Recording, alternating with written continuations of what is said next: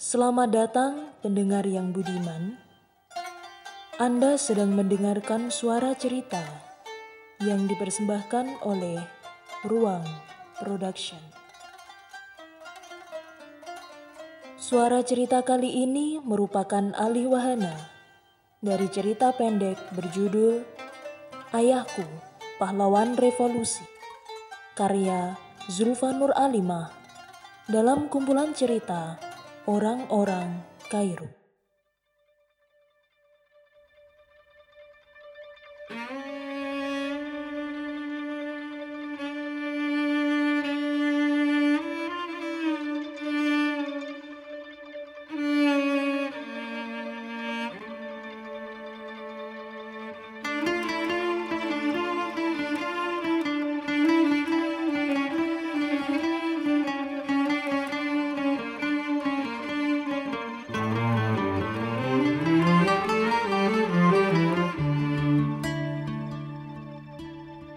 Revolusi 2011 meletus.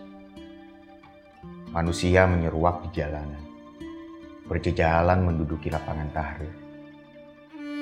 Di mana-mana, sepanjang jalan di kota Kairo, bergema teriakan.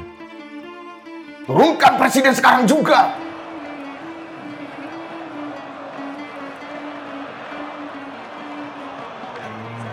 Rezim yang agung berpuluh tahun itu tumbang di kaki-kaki rakyat. Upaya memenjarakan para aktivis ternyata tidak berguna. Jutaan manusia bersorak bahagia. Mereka gembira, seolah-olah tidak akan lagi kelaparan jika rezim sudah digulingkan.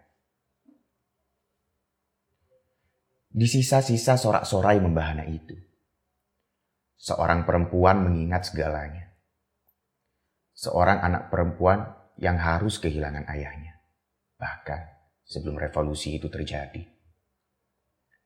Ia kehilangan seorang ayah yang semestinya memberi hadiah, mengajaknya bicara, atau mengajari cara berhitung. Ia tidak punya salah apa-apa. Tapi mengapa? Mengapa revolusi harus memilih hatinya sebagai tumbal? Memangnya siapa anak perempuan itu?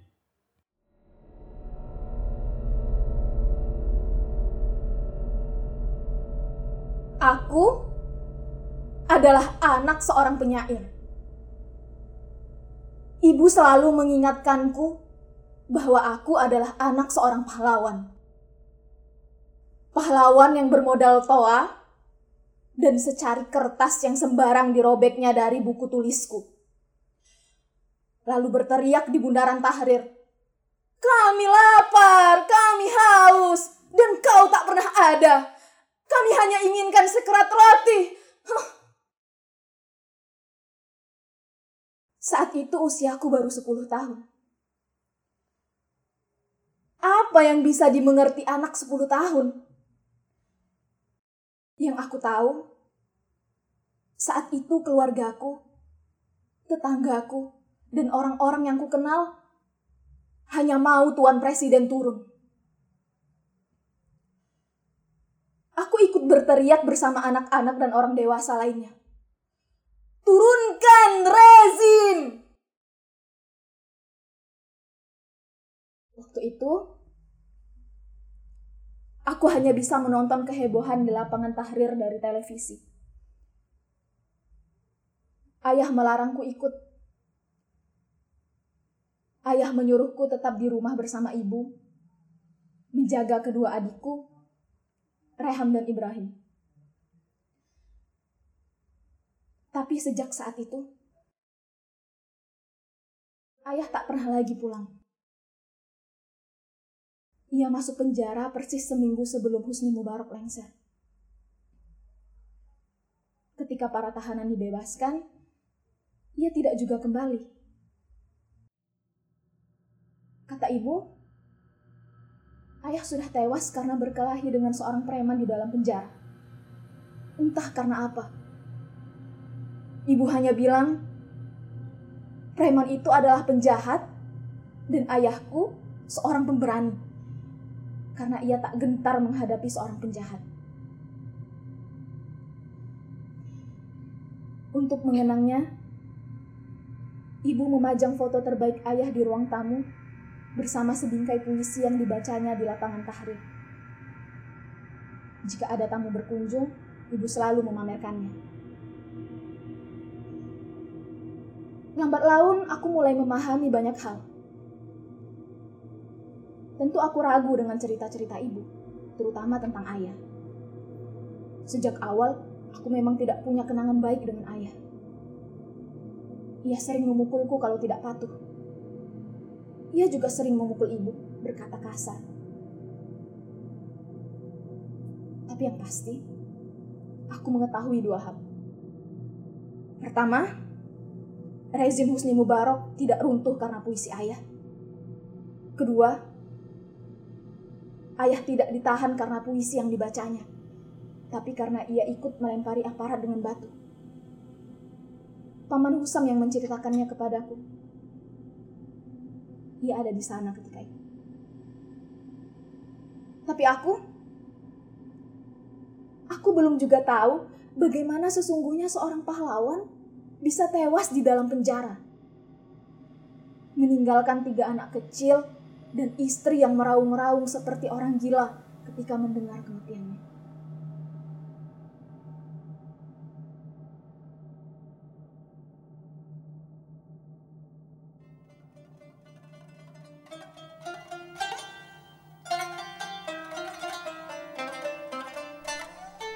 Semua ingatan buruk kekal di kepala perempuan itu. Tentang ayahnya, tentang pahlawan, tentang revolusi, tentang mati. Ia tidak akan mampu melupakannya, meskipun ia tidak pernah mengingat-ingatnya. Tapi ibunya adalah seorang pencerita yang rajin. Masih terus ia kumandangkan kepahlawanan ayahnya bahkan sampai perempuan itu ingin masuk kuliah, ibunya masih memaksa agar ia mendaftar di jurusan bahasa Arab. Belajar menulis puisi agar bisa meneruskan kepahlawanan ayahnya.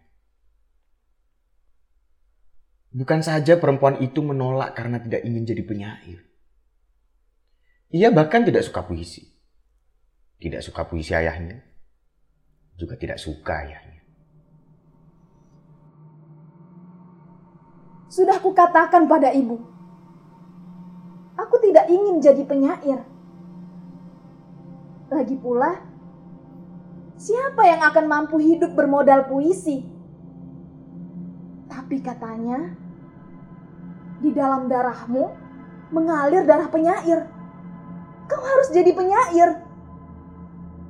Katanya lagi, sejak kecil aku sudah menulis puisi puisi tentang keesaan Allah. Itu bahkan bukan puisi, Bu. Jika bicara dengannya, aku sudah tidak mengerti lagi siapa sebenarnya di antara kami yang memahami puisi.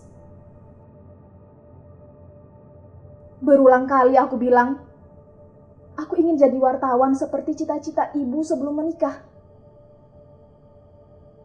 Berulang kali juga aku bilang, aku tidak akan bisa hidup dengan mengandalkan puisi. Tapi lagi-lagi ia menyanjung ayah. Penyair hebat adalah mereka yang mampu hidup dari puisinya. Ayahmu adalah penyair hebat,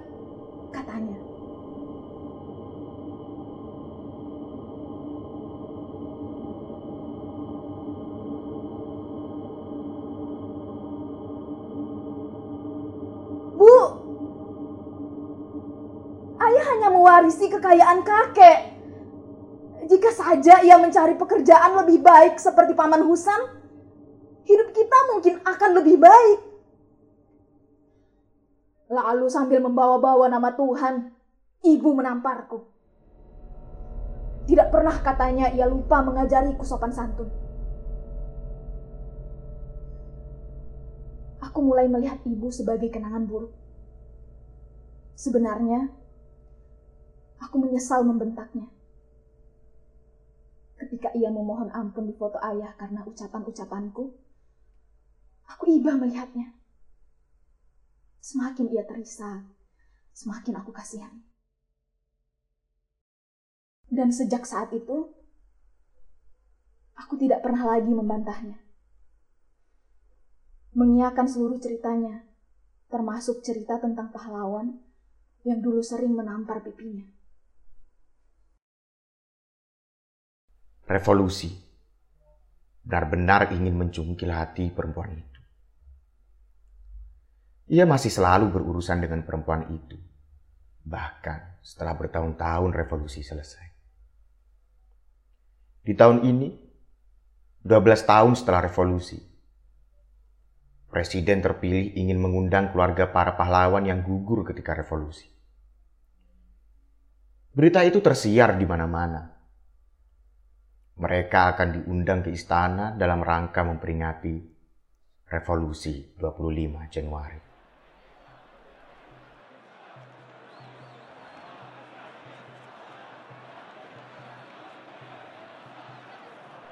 Perempuan itu sebenarnya tidak berharap apa-apa. Tapi ibunya adalah orang yang paling bahagia mendengar berita itu. Sudah disiapkannya empat pakaian terbaik untuk menghadap presiden di istana. Tapi, sampai acara peringatan itu disiarkan televisi, tidak ada undangan dari istana yang sampai ke rumahnya. Hanya ada sunyi dan canggung di dalam rumah ketika perempuan itu melihat ibunya menonton peringatan revolusi di televisi. Ibu memintaku mengantarkannya ke kantor pos. Sudah kuduga, ia pasti akan mengirimkan surat ke istana.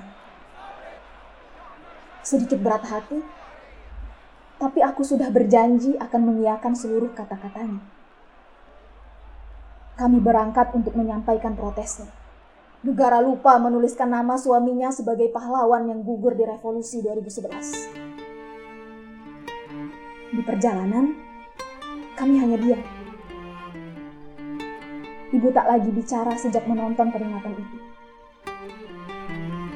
Aku melihat muka ibu yang semakin tua dan letih.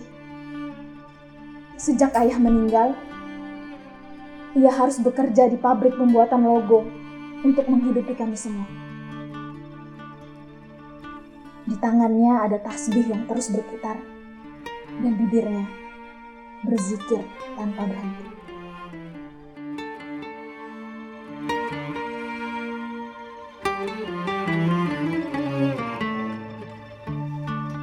Barangkali Tuan Presiden terlalu sibuk dan negara terlalu besar untuk mengurusi hal-hal kecil.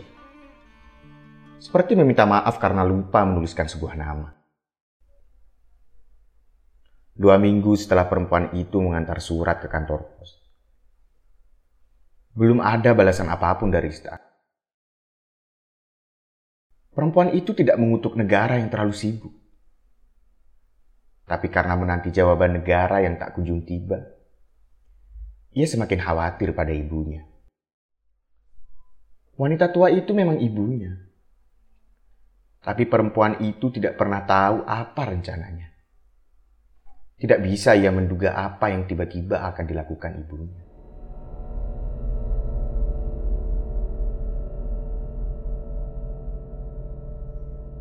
Apa rencanamu, Bu? Aku akhirnya memberanikan diri bertanya padanya. Surat balasan dari istana tak kunjung datang. Ia akhirnya memintaku mengantarkannya menemui Paman Said. Ibu sering menyebut-nyebut Paman Said Kata ibu, ia adalah orang yang menerbitkan kumpulan puisi ayah dan sekarang bekerja di sebuah kantor berita. Tangan ibu sudah tidak lagi menggulir tasbih. Dan bibirnya sudah tidak lagi berzikir. Dan aku, aku benar-benar tidak tahu apa yang ingin ia lakukan. Tapi ia memarahiku karena bertanya, Ayahmu dianggap seperti sampah dan kau diam saja, katanya. Aku tentu tidak menjawab. Itu bukan pertanyaan. Sebelum ia membuang muka, Aku melihat ada kecewa sekaligus amarah di raut mukanya. Aku tidak lagi bicara padanya. Tapi entah mengapa, kali ini aku merasakan khawatir yang besar. Aku takut terjadi apa-apa terhadap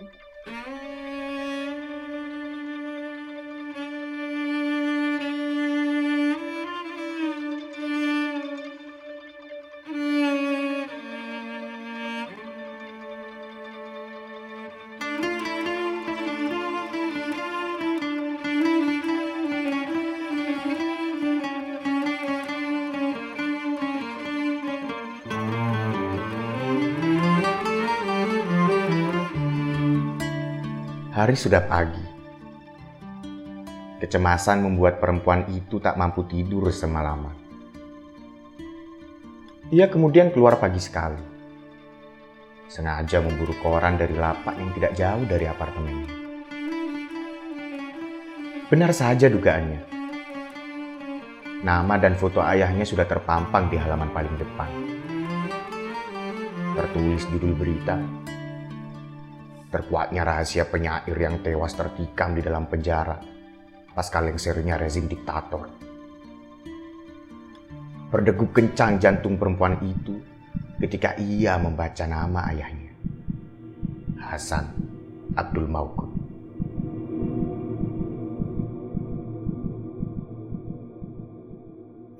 Seorang penyair mengetahui tindakan rezim terkudeta yang sengaja membayar preman untuk menyerang para demonstran. Ia masuk penjara bersama rekannya karena membalas preman-preman itu dengan lemparan batu. Di dalam penjara, ia menulis sebuah puisi yang merekam kejahatan mereka. Tapi, seorang preman bayaran menikamnya. Agar tak ada siapa pun yang mendengar bait puisinya.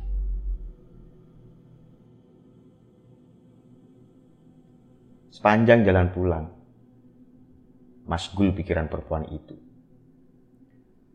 Banyak pertanyaan di kepalanya. Tapi di rumahnya, senandung bahagia ibunya semerbak mengisi ruangan. Terus ibunya bernyanyi sambil merapikan figur ayahnya dan bingkai puisi di ruang tamu mereka.